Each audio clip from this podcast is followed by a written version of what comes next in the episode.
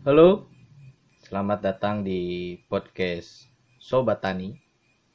Setelah lama sekali saya tidak merecord podcast karena ada beberapa hal yang harus diselesaikan sehingga hari ini saya kembali lagi untuk menemani sobat tani semua. Eh, kebetulan hari ini saya berkunjung ke Uringin Bondowoso. Dan tentunya saya tidak sendirian pada podcast kali ini. Saya sekarang sudah bersama Muhammad Fauzi. Jadi Muhammad Fauzi ini adalah aktivis desa atau pemuda desa yang menggerakkan pemuda-pemuda yang lain di desanya. Ya, kita akan berbincang nanti apa saja yang digerakkan di Desa Uringin Bondowoso. Mungkin saya hello dulu. Baik. Halo. Selamat datang di Uringin, Bung Irman uh, dan sobat tani semuanya. Selamat datang. Silahkan dinikmati udara-udara pegunungan Ya. yang ada di Uringin.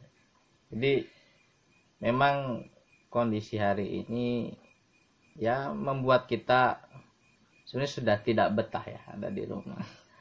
Jadi akhirnya saya mencoba untuk ngontek-ngontek ya, Bung Fauzi ini karena saya cukup tertarik dengan kondisi COVID-19 hari ini yang mengakibatkan eh, banyak sektor yang terhenti sebenarnya akibat dari pandemi COVID-19 ini. Tetapi eh, sektor pertanian ini ternyata menjadi sektor yang sangat diminati oleh banyak kalangan Penyelamat. Ya. penyelamat penyelamat bangsa hari ini gitu ya. Dan dunia pertanian itu ya memang erat kaitannya dengan desa gitu. Jadi eh, pada episode kali ini kita akan bedah, kita coba akan bedah bagaimana eh, desa hari ini eh, dengan segala potensinya eh, di bidang pertanian di masa pandemi seperti ini kita akan lihat bagaimana kontribusi yang nyata di desa itu. Jadi sebagai aktivis nih, Bung Fauzi, Gimana gimana gimana? gimana melihat eh, pandemi COVID-19 ini? Apakah memang betul-betul merongrong segala aktivitas? Mungkin juga di desa. Mungkin seperti apa ini kalau diuringin? Jadi eh, sependek apa yang bisa saya sampaikan yang pertama adalah tentang fenomena bagaimana masyarakat desa kita itu hari ini eh, terdampak. Mana dampaknya adalah eh, keterbatasan yang biasanya eh, keluar masuk eh, wilayah yang lain dengan niatan bekerja gitu hari ini dibatasi betul dengan adanya eh, pandemi ini. Sehingga desa yang hari ini sudah terkenal miskin gitu kan terkenal miskin dalam tanda kutip dianggap tidak berdaya oleh sebagian eh, Kalangan. kalangan itu ditambah lagi eh, semakin bertumpuk gitu kan persoalannya semakin bertumpuk dari masyarakat desa yang hari ini tidak bisa untuk leluasa keluar. Yang biasanya keluar untuk eh, bekerja di pabrik karena pandemi ter PHK yang biasanya bermigrasi ke daerah-daerah Bali dan sebagainya untuk hanya sekedar kerja keras di pembangunan gitu kan atau kuli itu hari ini kan juga menjadi problem eh, ketika di daerah tujuan itu hari ini lockdown akhirnya Ya. masyarakat hari ini di desa bertumpuk gitu persoalannya bertumpuk di desa ya? bertumpuk gitu. sudah eh, apa kemampuan untuk menghidupi masyarakat yang ada itu dari kemarin kan dia sudah menjadi masalah hari ini malah Hmm. ditambah harus banyak lebih banyak orang lagi yang harus di yang harus di dikasih makan oleh desa kita gitu kan. ya Jadi seperti itu. Dan yang kedua, fenomena yang kedua adalah eh, ada fenomena baru yang bisa kita lihat eh, kebiasaan-kebiasaan baru yaitu di mana teman-teman dari kota gitu.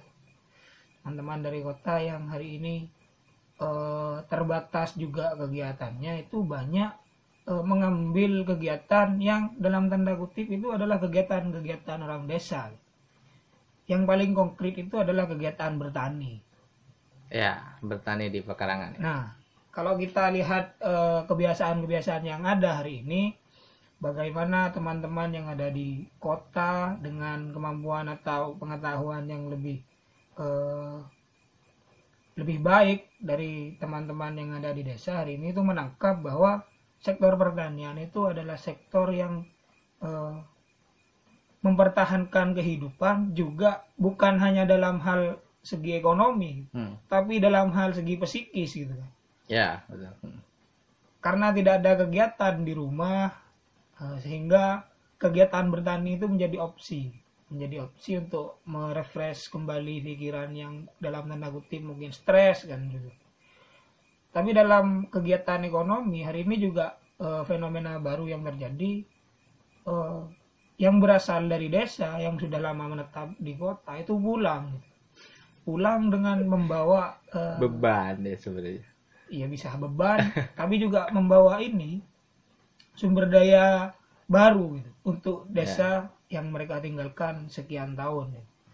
karena tidak eh, progresif di kota akhirnya pulang dengan membawa eh, kemampuan modal lebih gitu Hmm. akhirnya memaksakan diri atau memilih untuk bertani sehingga fenomena-fenomena baru orang-orang kota itu nyewa lahan Ya. di desa-desa itu hari ini mungkin bisa kita ketahui meningkat seperti itu. Nah ini menjadi eh, problem sebenarnya kepada kita yang hari ini dari dulu dan sampai hari ini itu berkecimpung hanya di lingkup desa. Hmm. Jadi seperti itu.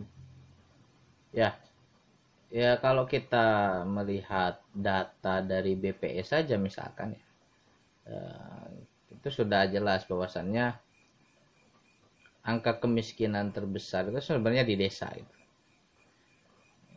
Karena dikategorikan miskin gitu kan, eh, sehingga banyak yang menyimpulkan bahwasannya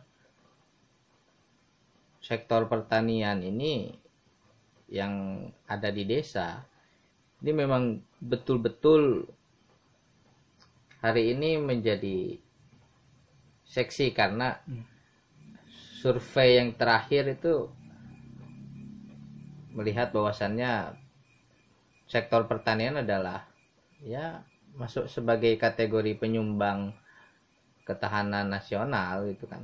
Nah, tapi apakah ini dimanfaatkan betul gitu oleh masyarakat desa? Karena kalau kita melihat tren hari ini gitu kan, seperti yang sudah Bung Fauzi tadi sampaikan, tren hari ini kan semua orang jadi menanam gitu kan untuk ya meskipun ada yang menanam bunga gitu. Hmm. Tapi tren itu juga sekarang mulai berkembang menjadi menanam sayur-sayuran untuk kebutuhan keluarganya gitu.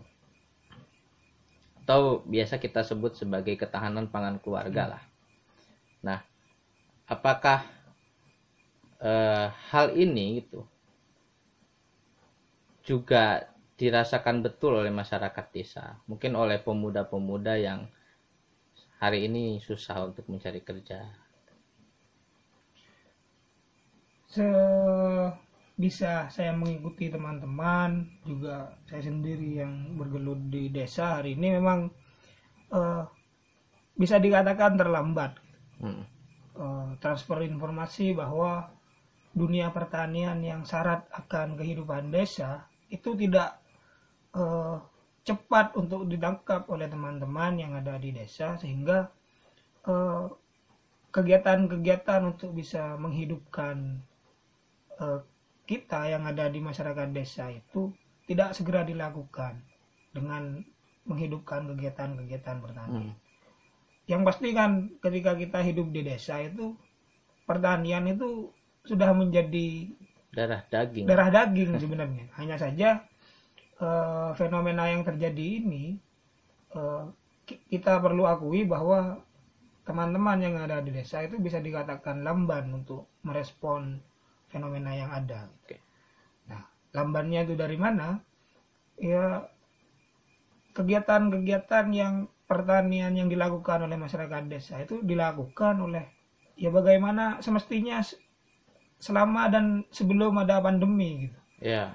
Masih monoton tidak ada kegiatan-kegiatan yang dalam tanda kutip eh, sentuhan-sentuhan yang lebih inovatif terhad- terhadap kegiatan pertanian yang ada di desa oleh pemuda-pemuda padahal di sisi lain eh, pemuda desa hari ini tuh punya modal sosial yang yang besar sebenarnya Hmm. mulai dari teman-teman yang eh, tidak bisa melanjutkan pendidikan ke jenjang yang lebih tinggi atau hanya Hmm. sampai di SMA bahkan yang mahasiswa saja itu hari ini di desa itu menjadi peluang besar bahwa eh, konsolidasi pemuda desa hari ini itu bisa dikatakan mudah gitu kan Hmm. karena teman-teman yang seharusnya kuliah keluar kota itu hari ini tidak bisa keluar Ya. gitu kan Semua dilakukan secara da- daring, gitu daring kan. Secara daring sehingga konsolidasi pemuda desa hari ini itu menjadi salah satu opsi atau salah satu peluang untuk bisa membuktikan bahwa pembangunan eh, pembangunan peradaban yang dimulai dari desa itu hari ini sudah bisa dilakukan sebenarnya Ya, betul. hanya saja evaluasinya eh, belum belum ada yang sampai eh, melihat persoalan ini ke situ yang saya rasakan seperti itu. Sehingga secara pribadi yang bisa saya lakukan adalah bagaimana untuk bisa menyuluh teman-teman yang ada di desa itu untuk eh, tajam melihat permasalahan di sekitar gitu untuk bisa segera sesegera mungkin mengambil sikap. Mengambil sikap dalam tanda kutip eh, hal-hal yang sebelumnya tidak ada di desa itu hari ini dihadirkan. Hmm. Konsolidasi pemuda untuk eh, intensifikasi pembangunan pertanian mungkin. Konsolidasi konsolidasi pemuda desa untuk hal-hal yang positif lainnya itu hari ini kan sangat mungkin dilakukan. Betul. Nah, itu sudah sempat eh, kami usahakan. Sudah sempat kami usahakan karena tantangan besar kita yang ada di desa itu hari ini adalah ini kalau menurut kami eh, masyarakat desa ini berpotensi dinina bobokkan oleh bantuan sosial Oke. Bantuan BLT ya. BLT dan lain sebagainya itu hari Ya. ini eh, ini juga menjadi satu fenomena yang masalah bisa bisa ditinjau dari menghadirkan masalah sebenarnya walaupun hakikatnya semua orang kan melihat ini sebagai anugerah gitu. Ya. tidak kerja tapi dikasih bantuan Betul, betul. tapi kami melihat bahwa ini bisa menjadikan masalah karena eh, walaupun tidak banyak, walaupun tidak bisa menghidupi masyarakat desa secara keseluruhan, Hmm. bantuan-bantuan yang ada itu yang kami lihat menjadikan teman-teman atau masyarakat yang ada di desa itu karena memang hakikatnya adalah eh, kehidupan yang sederhana sehingga Hmm. mendapatkan bantuan itu sudah sangat sudah sangat besar sebenarnya. Ya. Akhirnya tidak ada usaha-usaha untuk mengintensifikasikan kegiatan yang sebelum pandemi itu dilakukan. Ketika hari ini persoalan itu hadir, kegiatan-kegiatan masyarakat itu tidak tidak ada eh, kegiatan-kegiatan pengembangan Ya. karena sudah merasa cukup Ya. diberi bantuan oleh pemerintah Betul, betul. sehingga stagnasi ini pembangunan pertanian di desa yang kami lihat itu juga salah satu salah satu permasalahannya itu dari situ. Kalau kita mau ekstrim sumpamanya, ketika masyarakat desa tidak dikasih apa-apa dalam kondisi lapar, Hmm. nah logikanya kan ketika Ya. kita dalam kondisi lapar maka semua hal akan kita lakukan untuk bagaimana perut kita itu terisi gitu kan. Hmm. Nah karena hari ini perut masyarakat yang ada di pelosok-pelosok itu Sudah sudah, dalam tanda ya. kutip di di dicukupi Diisikan oleh pemerintah. Nah, sehingga eh, hal-hal yang menarik untuk dicoba hal-hal yang bisa dikatakan baru dan inovatif untuk memprogresifkan kegiatan pertanian di desa itu hari ini lamban. Lamban untuk dilakukan. Sehingga ini menjadi salah satu persoalan juga bagi kita bagaimana supaya eh, masyarakat desa yang dalam tanda kutip eh, persentase kemampuan intelektualnya yang lebih banyak yang di bawah rata-rata itu harusnya bisa kita angkat untuk melihat kondisi hari ini itu bahwa oh ini hari ini waktunya kita yang di desa Betul. untuk bergerak. Waktunya kita yang punya modal pertanian gitu untuk bisa segera melakukan dobrakan agar eh, ketahanan pangan bangsa ini itu aman gitu. Ketahanan pangan bangsa ini aman itu kan gara-gara dimulai dari hal yang paling kecil yaitu ketahanan pangan kita di desa itu Iya. aman gitu.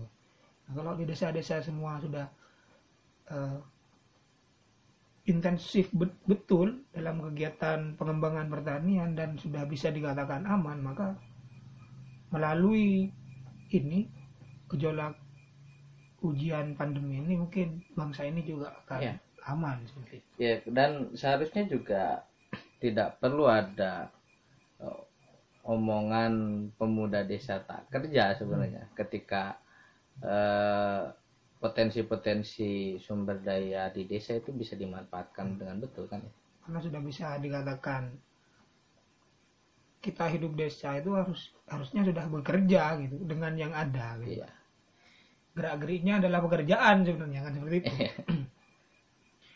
nah ini dari apa yang mm, eh, sepengalaman saya lakukan itu sempat dikritik gitu karena eh, apa yang saya lakukan itu dianggapnya eh, menghadirkan sesuatu yang sebenarnya belum bisa ditangkap oleh masyarakat. Hmm, Contohnya Jadi dari kemarin kan saya coba menyuluh untuk bagaimana teman-teman itu aktif ber mendiskusikan persoalan hidupnya masing-masing gitu Hmm. untuk bisa menentukan ruang bagaimana untuk kita bisa bergerak dan bertahan di masa pandemi.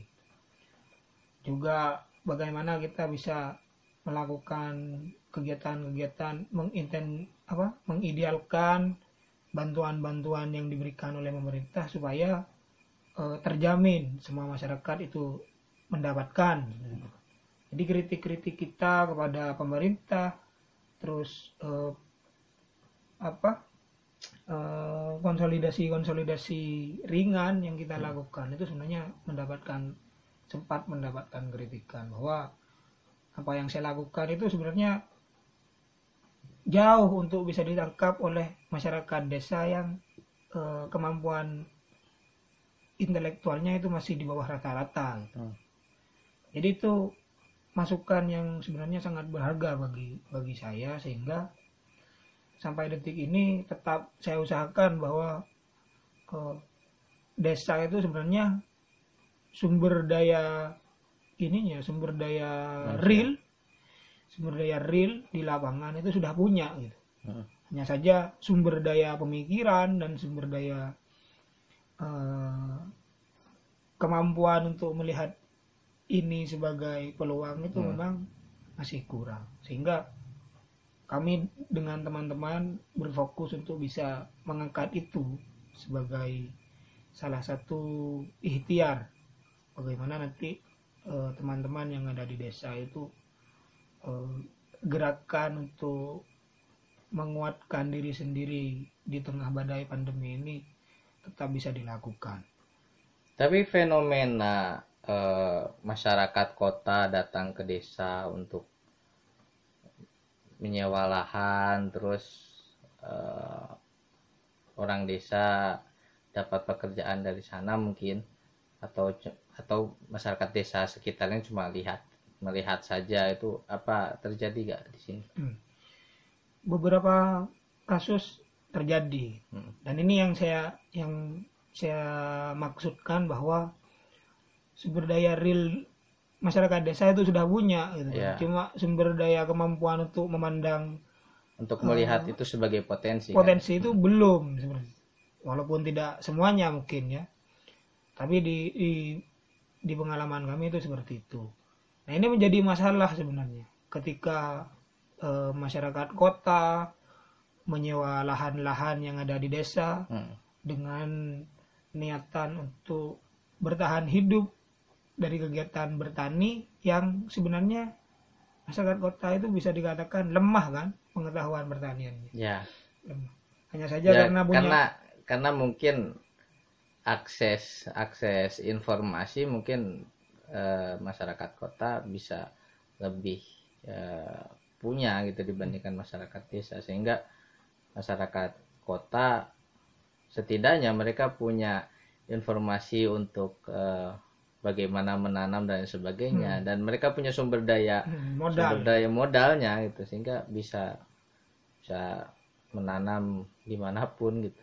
Nah ini masalah bagi kami ketika uh, yang seharusnya pemilik tanah di desa itu tidak bisa berkontribusi langsung, tidak bisa melakukan kegiatan pengelolaan lahannya secara langsung, hmm. malah diserahkan ke uh, masyarakat kota yang uh, sudah memang dalam segi modal sudah lebih siap.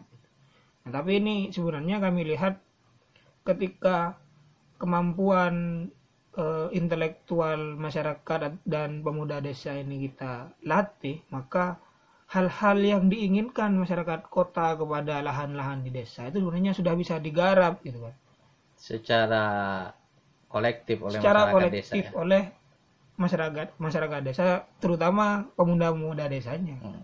kan tadi ada seruan pemuda desa tak kerja iya. gitu kan harusnya ini bisa dijadikan kerjaan bagi bagi kita karena fenomena yang seperti itu itu bisa tambah menina bobokkan kita yang ada di desa gitu ketika dalam tanda kutip investor kecil-kecilan gitu kan hmm. dari kota ke desa menyewa lahan dan pemilik lahan malah mendapatkan ini apa uang sewaan yang tidak seberapa sebenarnya yeah. dan yang mampu peng melakukan pengelolaan secara intensif malah masyarakat kota yang sudah punya uh, modal itu modal dan jaringan yeah, pemasaran yeah. mungkin sehingga dari ini yang bisa kita ambil jalan tengah adalah bagaimana kita mampu untuk menja menjalin komunikasi yang kuat antara sektor produksi di desa dengan sektor kebutuhan yang ada di kota? Bahwa, bahwa ketika memang masyarakat kota membutuhkan suplai eh, bahan baku itu sebisa mungkin bagaimana bisa menginten, mengintensifkan masyarakat eh, penghasil bahan baku tersebut yaitu di desa-desa.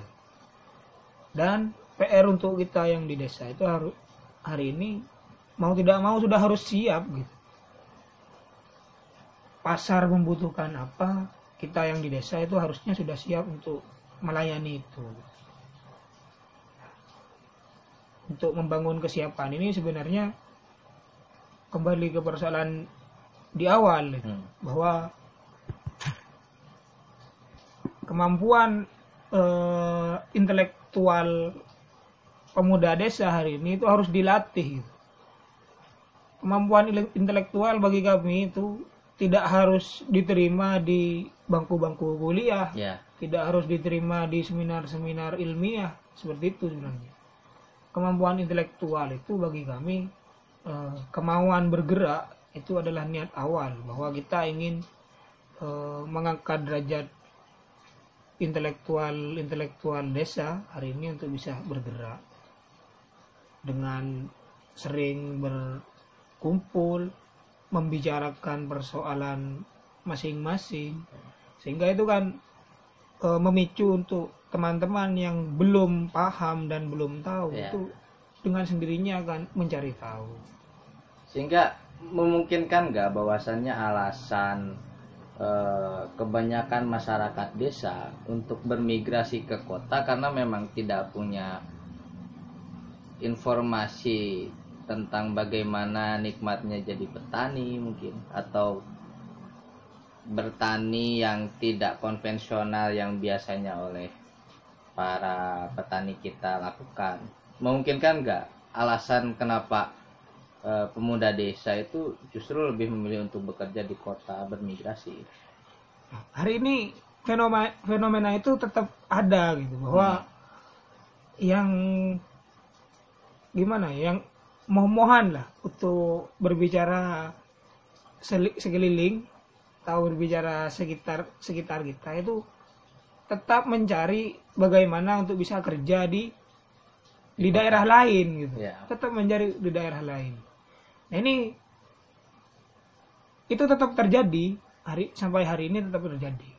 Bahwa eh, sudah tidak bisa bekerja sekian hari sekian minggu di rumah merasa tidak merasa tidak punya kegiatan. Aktivitas ya. Merasa tidak punya aktivitas akhirnya ya cari sebisa mungkin untuk bisa bekerja ke daerah lain. Nah itu yang bisa kita eh, lihat dari fenomena ini itu biasanya berangkat dari eh, tipe-tipe teman-teman yang mohon apa bahasa ininya Eh, enggan ya enggan enggan untuk eh, melihat bahwa pekarangannya sebenarnya bisa dimanfaatkan untuk bertani gitu. Ya. enggan untuk melihat bahwa oh potensi desa kita hari ini ini kita bisa manfaatkan untuk ini berarti kita harus melakukan ini. Rata-rata teman-teman yang eh, memilih untuk mencari kerja ke daerah-daerah lain waktu pandemi ini ya teman-teman yang seperti itu. Itu tidak bisa kami salahkan sepenuhnya gitu karena memang mungkin itu adalah kebutuhan ya kebutuhan. Ah, kebutuhan mendesak mungkin dan itu bisa jadi salah satu kelemahan kita gitu, yang sudah merasakan bahwa intelektualitas itu penting tapi tidak segera mentransformasikan kepada teman-teman yang sebenarnya membutuhkan hal itu. Jadi itu sebenarnya problem yang bisa eh, kami lakukan hari ini.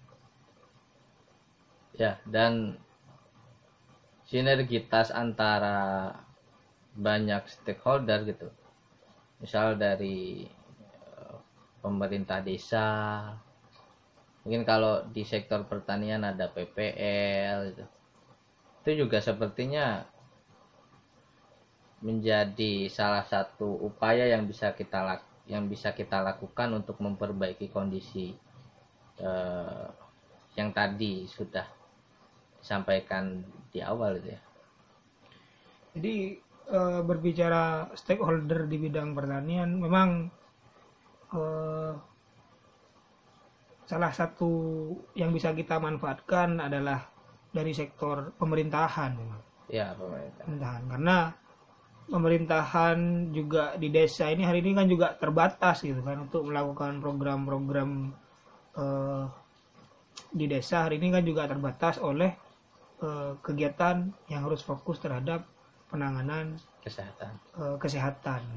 Hanya saja ketika kita tidak membawa ide yang brilian, maka persoalan pangan dan persoalan pertanian ini bisa-bisa tidak dikasih ruang untuk eh, dijadikan satu hal yang penting dan urgent untuk dibiayai oleh eh, dana-dana pemerintah gitu.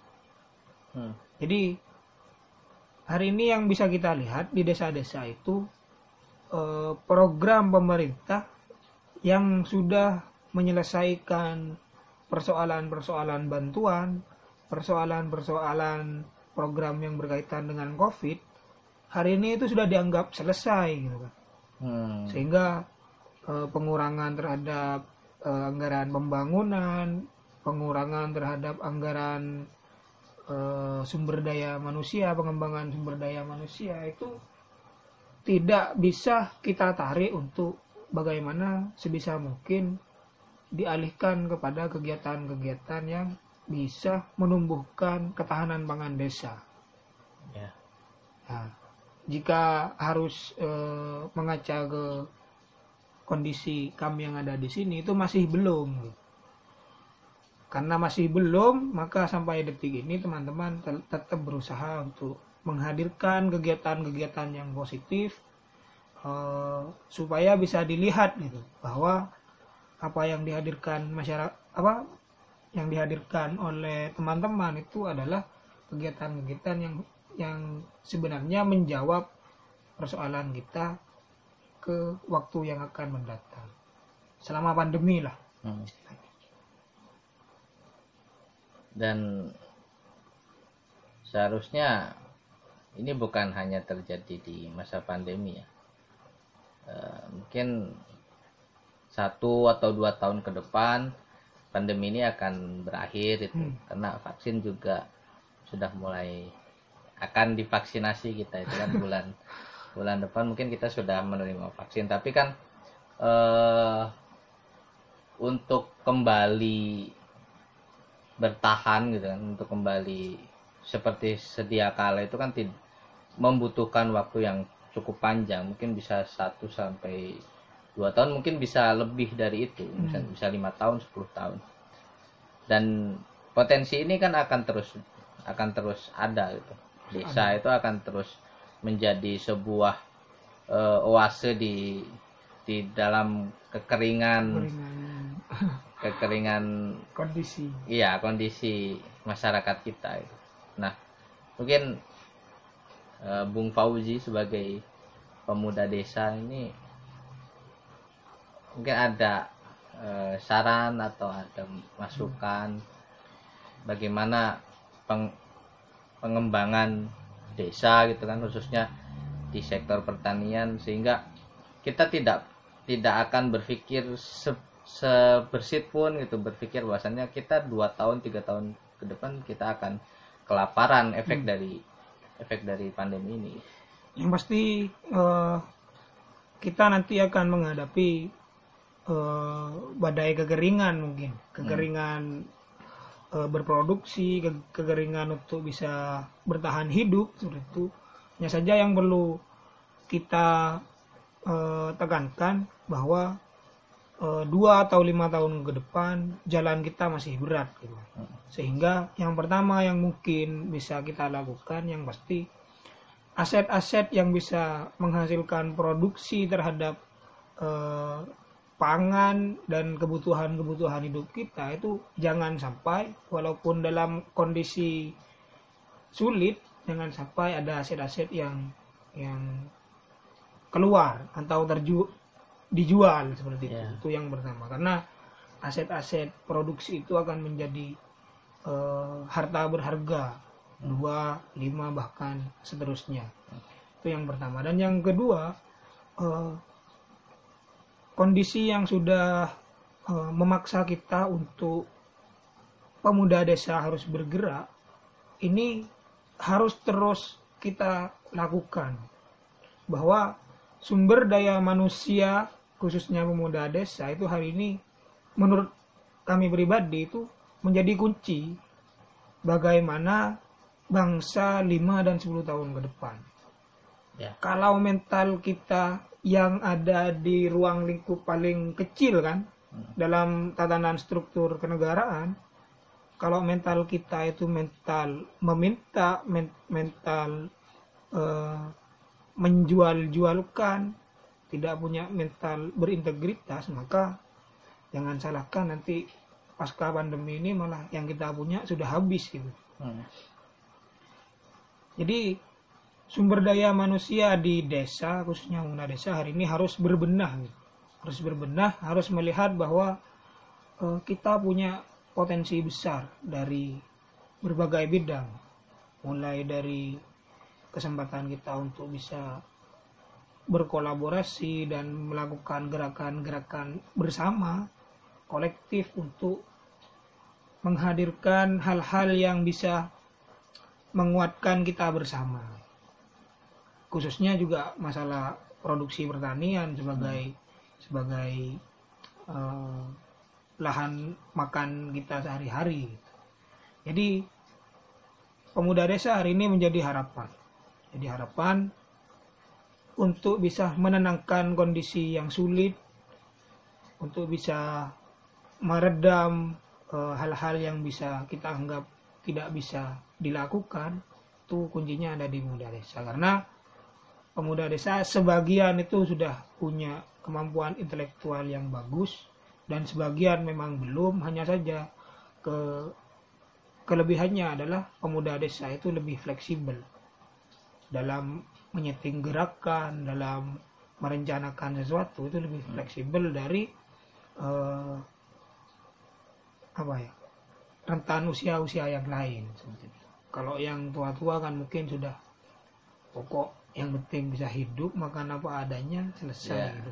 tapi kalau pemuda desa permasalahan-permasalahan yang mungkin bisa menjadi uh, ancaman yang pertama har pertama kali harus melawannya kan adalah pemuda desa. Berarti kalau semisal eh, pemuda desa ter terakomodir dengan baik dan terorganisir dengan baik lalu bisa mereka sama-sama gitu eh, mengembangkan dunia pertaniannya kan sepertinya tidak perlu ada program food estate yang dilakukan oleh pemerintah seharusnya. Karena eh, saya rasa kita masih punya lahan yang sangat luas. Desa-desa itu masih berproduksi berproduktif eh, sangat ya sangat bagus sekali itu. Dan tidak perlu uh, ya bagi saya tidak perlu lah untuk ada food estate itu di Kalimantan atau di Papua yang yang pasti ketika kita mampu membuktikan bahwa kita bisa makan dengan uh, jerih payah kita sendiri di desa-desa di halaman-halaman pekarangan gitu kan hmm. jadi pandemi ini kan jadi uh, apa ya momen pembuktian gitu ya. selama kita bisa mampu membuktikan maka ya benar uh, program pemerintah terkait food estate itu mungkin juga bisa kita halang dengan kegiatan-kegiatan nyata yang seperti itu. Ya saja BR-nya memang berat bahwa uh, kita harus uh, menghadirkan kegiatan-kegiatan, gerakan-gerakan yang sebelum uh, new normal tidak pernah kita lakukan. Kita dituntut untuk belajar lebih banyak dengan waktu yang singkat gitu. Untuk bisa menghadirkan kegiatan-kegiatan yang lebih inovatif dan produktif karena memang dituntut untuk uh, itu untuk me mencukupi kebutuhan selama pandemi. Terima kasih buat uh, Bung Fauzi yang sudah menerima saya sebagai uh, orang yang bertamu pada kesempatan kali ini dan mungkin ada yang mungkin kata-kata terakhir mungkin yang ah. pengen disampaikan. Uh, sebelum kata-kata terakhir ini ini tabenya tabenya di dinikmati. oh iya. Sama kopi karena kami terkenal karena, Republik Kopi katanya ya. gitu. Iya, dan informasi saja bahwasanya memang Bondowoso itu termasuk produsen kopi ya. Kopi dan dan tape. tape. Jadi Bondowoso ini kopinya enak, tapenya juga enak. Apalagi dinikmati ketika hujan-hujan hmm. Oke. Okay. Jadi yang pasti untuk eh, kita yang sedang belajar dan berposisi sebagai pemuda desa hari ini eh, tidak boleh diam dalam kondisi yang bisa dikatakan rumit seperti masa pandemi seperti ini.